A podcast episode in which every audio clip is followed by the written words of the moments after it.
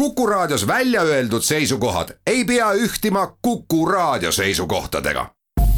Te kuulate Kuku Raadiot. loodusajakiri, vaata ka looduseajakiri.ee tere kõigile teile, head Kuku raadio kuulajad! tänane Loodusajakirja saade tuleb ajaloost, aga mitte lähiajaloost, vaid me läheme oma jutuga tagasi nii kaugesse aega nagu seitsmeteistkümnes sajand. saates on külas Tartu Ülikooli varauusaja kaasprofessor Martin Seppel, tere tulemast Kuku raadio stuudiosse! tere! mina olen saatejuht Tiia Rööp. Teil on ajakirjas Horisont artikkel, mille pealkirjaks on Rootsi aja suurim laevaõnnetus, laevahukk Tallinna sadamas tuhande kuuesaja üheksakümne kuuenda aasta augustitormis. selles õnnetuses hukkus kakskümmend neli isikut, sealhulgas üheksa last, aga kas see õnnetus, selle suurus, väärib sellist pealkirja nagu Rootsi aja kõige suurem laevaõnnetus? jah, see on väga hea küsimus, kindlasti tuleb öelda, et pealkiri on võib-olla liiga absoluutne ja me tegelikult täpselt ei teagi, mis võisid olla need kõige suuremad laevaõnnetused seitsmeteistkümnendal sajandil või Rootsi ajal, kuid teine küsimus on muidugi, kuidas seda suurust mõõta. Kas ainult inimohvrites või ka peame arvestama, mis oli laeva pardal lastiks või arvestada, kui suursugused olid need reisijad. kui oleks läinud põhja laev, mis tõi Karl kaheteistkümnenda Eestimaale tuhande seitsmesajandal aastal ja see laev oleks põhja läinud, siis kahtlemata poleks küsimus üldse olnud, kui palju seal inimohvreid oleks olnud, vaid see oleks olnud kõige suurem. ja võib-olla ka selle pealkirja all ma kindlasti pidasin silmas, et seal pardal oli väga esinduslik Eestimaa koorekiht, kui nii võiks öelda, seal oli Eestimaa asehaldur Mattias von Porten, kes küll jäi ellu, aga astmelt võib-olla järgmine mees oli Johann Andres von der Pahlen, kes oli tuhande kuuesaja kaheksakümnendatel, üheksakümnendatel aastatel üks kõige mõjuvõimsamaid tegelasi Eesti ja Liivimaal ja samuti oli ta üks suurimaid mõisnikke või mõisarentnikke. Kui me nüüd aga mõtleme, kas see kakskümmend neli ohvrit võis tõesti olla kõige suurem arv inimohvreid, mis eh, sellel perioodil laevaõnnetuses hukka sai, siis eh, kultuurimälestiste kodulehel on vraki register internetis kõigile kättesaadav ja ma ka huvi pärast seal vaatasin, kui palju on registreeritud laevahukke seitsmeteistkümnendal sajandil ja teadupärast see register tehti väga suurte jõududega umbes kümmekond aastat tagasi Euroopa Regionaalfondi toel ja seal ma leidsin nelikümmend kaks laeva hukku ja laeva vrakki, mis oli registreeritud. küll aga seda minu artiklis käsitletud laevaõnnetust seal kirjas ei olnud nii et selgelt on see natukene võib-olla lünklik veel, see fraki register, kuid eh, jah, seal ainuüksi tuhande kuuesaja üheksakümnendatest aastatest oli registreeritud kaheksateist laeva hukku, peaaegu pooled registris olnud hukkudest ja see näitab, et kindlasti on veel võimalik teistest aastakümnetest eh, sama palju ilmselt leida neid laevaõnnetusi, kuid eh, teiselt poolt see näitab, kui sagedane oli laevaõnnetus, laevahukud veel seitsmeteistkümnendal sajandil. Ja nüüd, kui me otsime ohvrite arvu, siis äh, allikad ohvrite arvu kohta tegelikult annavad väga vähe informatsiooni ja ka selles registris ma leidsin ainult ühel juhul, kus ohvrite arv võis küündida kuni kolmekümne inimeseni. Täpset arvu ka seal ei olnud kirjas, aga, aga seal oli ka öeldud, et mõned lapsed said hukka, nii et koos nendega võis see ulatuda kolmekümneni, nii et, et võib-olla tõesti inimohvrite suuruse järgi see minu vaadeldav tuhande kuuesaja üheksakümne kuuenda aasta revisjonikomisjoni laevahukk ei olnud kõige suurem ja arvata võib, et inimohvritega laevahukka oli tõesti rohkemgi, aga tõesti, kui me võtame, et hukka sai kolmteist Eestimaa väga kõrge sellise positsiooniga perekonnaliiget, aadlikku ja ka läks põhja Rootsi revisjon, mis just oli koostatud tuhande kuuesaja üheksakümne viiendal, üheksakümne kuuendal aastal, mis mõjutas väga otseselt kogu Eestimaa maksustamist ja sellega oli väga palju seotud Rootsi kuninga huvid, nagu ma artiklis näitangi, selle laevareisi eesmärgiks oligi sõita Rootsi kuningale esitlema neid Eestimaa revisjoni tulemusi. nii et jah, võib-olla kokkuvõttes siis see pealkiri on natuke üle pakutud, aga aga kindlasti see oli üks suurimaid ja traagilisemaid ja Rootsi kuningale väga suurt tuska valmistav laevahukk. Kas on teada, milliseid andmeid täpsemalt revisjoniaktid sisaldasid? ega me täpselt ei teagi, sellepärast et need aktid, nagu öeldud, läksid põhja selle laevaõnnetusega. ja kui me vaatame, et Rootsi aja viimastel aastakümnetel Liivimaal viidi läbi mitmeid väga ulatuslikke maarevisjone, kus koguti kõikide mõisate kohta väga üksikasjalikke andmeid ja joonistati kaarte, katastrit, hinnati maad,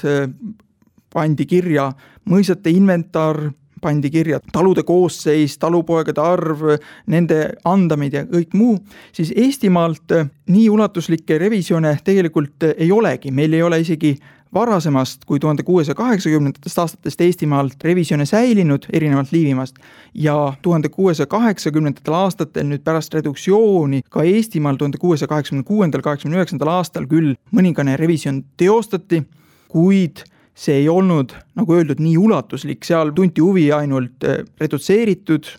ja ehk siis riigile tagasi võetud mõisate ja ka siis redutseerimisele kuuluvate, tulevikus plaanitud redutseeritavate mõisate inventar loeti üles ja talupojad, et tegelikult meil on Eestimaa kohta väga vähe andmeid. Ja nüüd see tuhande kuuesaja üheksakümne viienda aasta revisjon, mida nimetati ratsateenistus revisjoniks, tõesti pidi katma kogu Eestimaad, nii et kui redutseeriti umbes pooled Eestimaa mõisad, siis, siis see nüüd pidi katma nii riigile tagasi võetud kroonumõisaid kui ka siis aadlimõisaid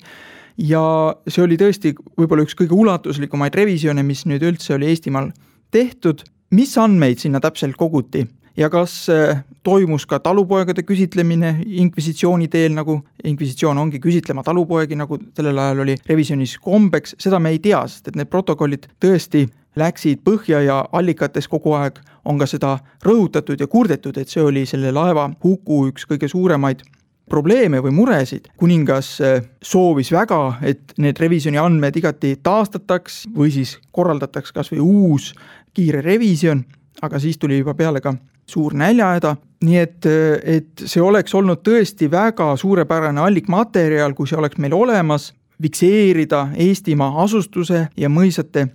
olukord enne suurt näljahäda ja ennem põhjasõda. Ja mida siis me teame sellest revisjonist, on, et mingisugused ärakirjad jõuti ennem laevahukku sellest Tallinnast teha. meil on vähemalt kaks ärakirja sellest ja mul on isegi võimalus olnud leida Moskvast selle revisjoni veel lisaandmeid, mida Eestimaa siin arhiivis ei olegi, nii et võib-olla on veel mingisugune ärakiri olnud kaheksateistkümnendal sajandil sest et see Moskvas oleva selle tuhande kuuesaja üheksakümne viienda, üheksakümne kuuenda aasta Eestimaa revisjoni andmed on eh, tuhande seitsmesaja kahekümnendatel aastatel tehtud ärakiri. ja seal on kirjas ka mõisate adramaade arv, mida näiteks Eestimaal säilinud koopiates või säilinud sellises kiires ärakirjas, mis tehti kubermangu valitsuses, seal mõisate kohta adramaade arvu ei ole, seal on meil teada ainult eh, mõisnike nimed, iga mõisa juurde on pandud, kes seda valdab antud hetkel ja on toodud ära siis ratsateenistusühikut. Vabandan katkestamast, aga me teeme nüüd saatesse väikese pausi. loodusajakiri, vaata ka looduseajakiri.ee loodusajakiri on pausilt tagasi Kuku raadio stuudios on Tartu Ülikooli varauusaja kaasprofessor Martin Seppel ja saatejuht Tiiu Rööp. Enne vaheaega rääkisime Eestimaa tuhande kuuesaja üheksakümne viienda, tuhande kuuesaja üheksakümne kuuenda aasta revisjoniaktide sisust. Te kasutasite mõistet ratsateenistusühik. mis asi see on? Eestimaal oli mõisate avalik-õiguslikud koormised arvestatud ratsateenistusühikute järgi, mis omakorda põhinesid adramaadel, nii et viisteist adramaad moodustas ühe ratsateenistusühiku ja see ratsateenistusühiku järgi omakorda kalkuleeriti Eestimaal tollivilja, tollivili oli peamine riigimaks, mida koguti talupoegadelt ja mille eest vastutasid mõisad. nii et, et see oli tõesti nagu ratsateenistusrevisjon, et saada teada, kui palju peavad andma siis mõisad, seeläbi ka talupojad, siis tollivilja, kui ka siis andma ratsanikke sõjakohustusena armeesse ja aadli lippkonda teete artiklis ka ülevaate kõnealuses laevaõnnetuses hukka saanud perekond Van der Paleni suurejoonelistest matustest. laevaõnnetus toimus augustis, matuse talitus viidi läbi märtsis. Kas see oli toona tavaline, et nii kõrgete aadlike matuseid peeti pool aastat hiljem? jah, ega õieti me ei tea, millal inimesed surid ja millal neid maeti ja seetõttu need allikad, mis meil enamasti on, näitavad meil matmisi, nii et kiriku raamatutes olevad andmed, mida me tunneme ka surmameetrika järgi, siis veel seitsmeteistkümnendal sajandil kanti sinna ainult matuse kuupäev. Kuid millal inimesed tegelikult surid, selle kohta otseselt selliseid kirikuraamatus andmeid meil ei olegi tollest ajast ja seetõttu on raske sellist statistikat eh, teha, nii et, et kui me peame siis ainult üksikkaasuste põhjal seda vaatama ja kõige tuntum kaasus muidugi on kuningas Karl üheteistkümnes ise, kes suri viiendal aprillil tuhat kuussada üheksakümmend seitse, nii et natukene aega pärast seda laevaõnnetust, kuid kuningas maeti novembris tuhat kuussada üheksakümmend seitse, et maeti umbes seitse-kaheksa kuud hiljem. nüüd Johann Andres von der Pahlen ja tema perekond maeti tõesti pool aastat, kuus kuud hiljem, aga tema oli ka kõige, nagu öeldud, kõige kõrgem oma positsioonilt. Laevahuku ohver, kõik teised aadlikud oli juba selleks ajaks maha maetud, nii et, et võib-olla ka see positsioon kajastus seeläbi, kui palju läks aega, et ette valmistada piduliku matuseteenistust, selleks enamasti ikkagi telliti käsitöölistelt uhked kirstud. Selleks oli vaja sageli ka vappepitahvid ja igasugune muu mälestus, kunst, memuaarkunst tellida, trükiti mälestustrükised, mälestuslehed kui ka otseselt von der Barenile tehti kohe lauluraamat ja, ja ka kutsed, nii et kõik see võttis aega. ja tõepoolest need matused olid von der Balenile üpriski suurejoonelised, see oli tingitud, nagu ma artiklis pakun, just sellest, et kuningas Karl üheteistkümnes oli septembris, kui ta oli kuulnud siis sellisest suurest laevahukust ja õnnetust äh, tragöödiast Tallinna sadamas, oli andnud loa, et riigikassast, seda nüüd mitte Tallinnas Eestimaa kubermangu valitsuse rahade eest, vaid Stockholmi eelarvekontorist makstaks kinni kogu von der Baleni perekonna matused, mida siis hakati suurejooneliselt tõesti ette valmistama, Kristjan Akkermannilt telliti nii vapp epitaaf kui ka von der Balenile, mis tänase päevani on toomkirikus olemas, kui ka kaunistused kõigile perekonnaliikmete kirstudele, nii et äh, on teada, et Kristjan Akkermann sai selle eest ka väga soliidse tasu, sada kuuskümmend riigitaaldrit ja ka muideks üldse toomkirikus on tänase päevani säilinud kolm epitaafi, sellist mälestustahvlit, mis siis eh, on seotud selle konkreetse laeva õnnetusega. nii et mitte ainult von der Pahlen, vaid ka Niirot lasi oma pojale epitaafi teha, Akkermanni lähikondsel Heinrich Martensil kui ka Engelbrecht Mannerburg, kes oli samuti revisjonikomisjoni üks juhtliige, lasi oma poegade auks epitaafi teha ja samal ajal jah, eh, kui veel Karl üheteistkümnendaga paralleeli tuua, siis on ju teada, et Karl üheteistkümnes kuningas ise oli väga tagasihoidlik ja Karl üheteistkümnes pani ise kirja, kuidas peaksid välja nägema tema matused. Ja selle ta pani kirja kümme aastat varem, kui ta ise tegelikult suri, nii et juba tuhande kuuesaja kaheksakümne seitsmendal aastal. Ja tema nõudis, et ei mingisugust eputamist, toredust,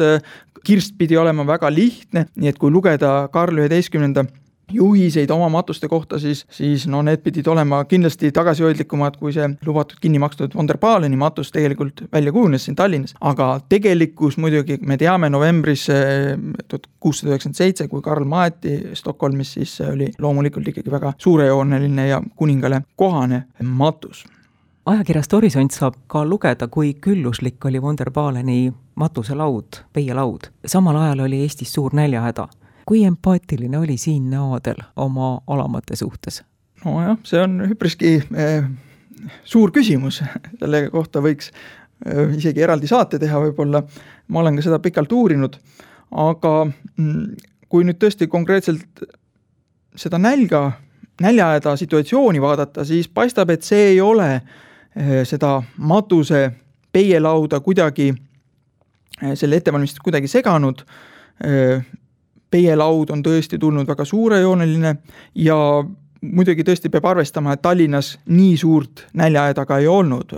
suur näljahäda puudutas just öö, külasid ja maapiirkonda ja linnades oli näljahäda olukord oluliselt mm,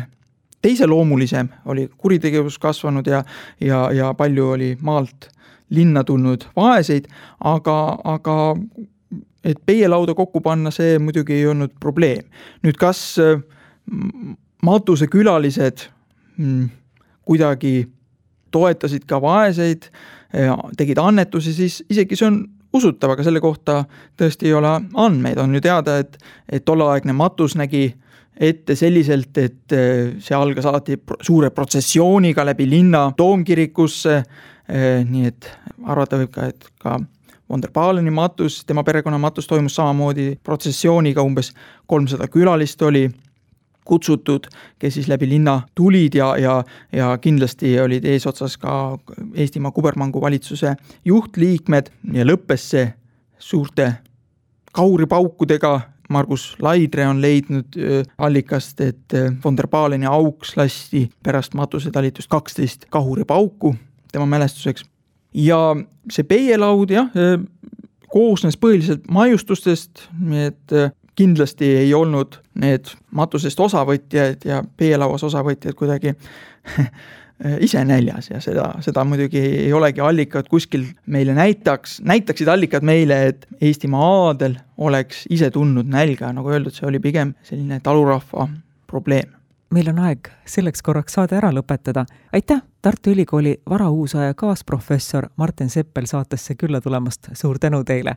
Detailide rohket ülevaadet Tallinna Sadamas tuhande kuuesaja üheksakümne kuuenda aasta augustitormis toimunud laevahukust saab huvi korral lugeda ajakirja Horisont neljandast numbrist. aitäh kuulamast, jälle kuulmiseni!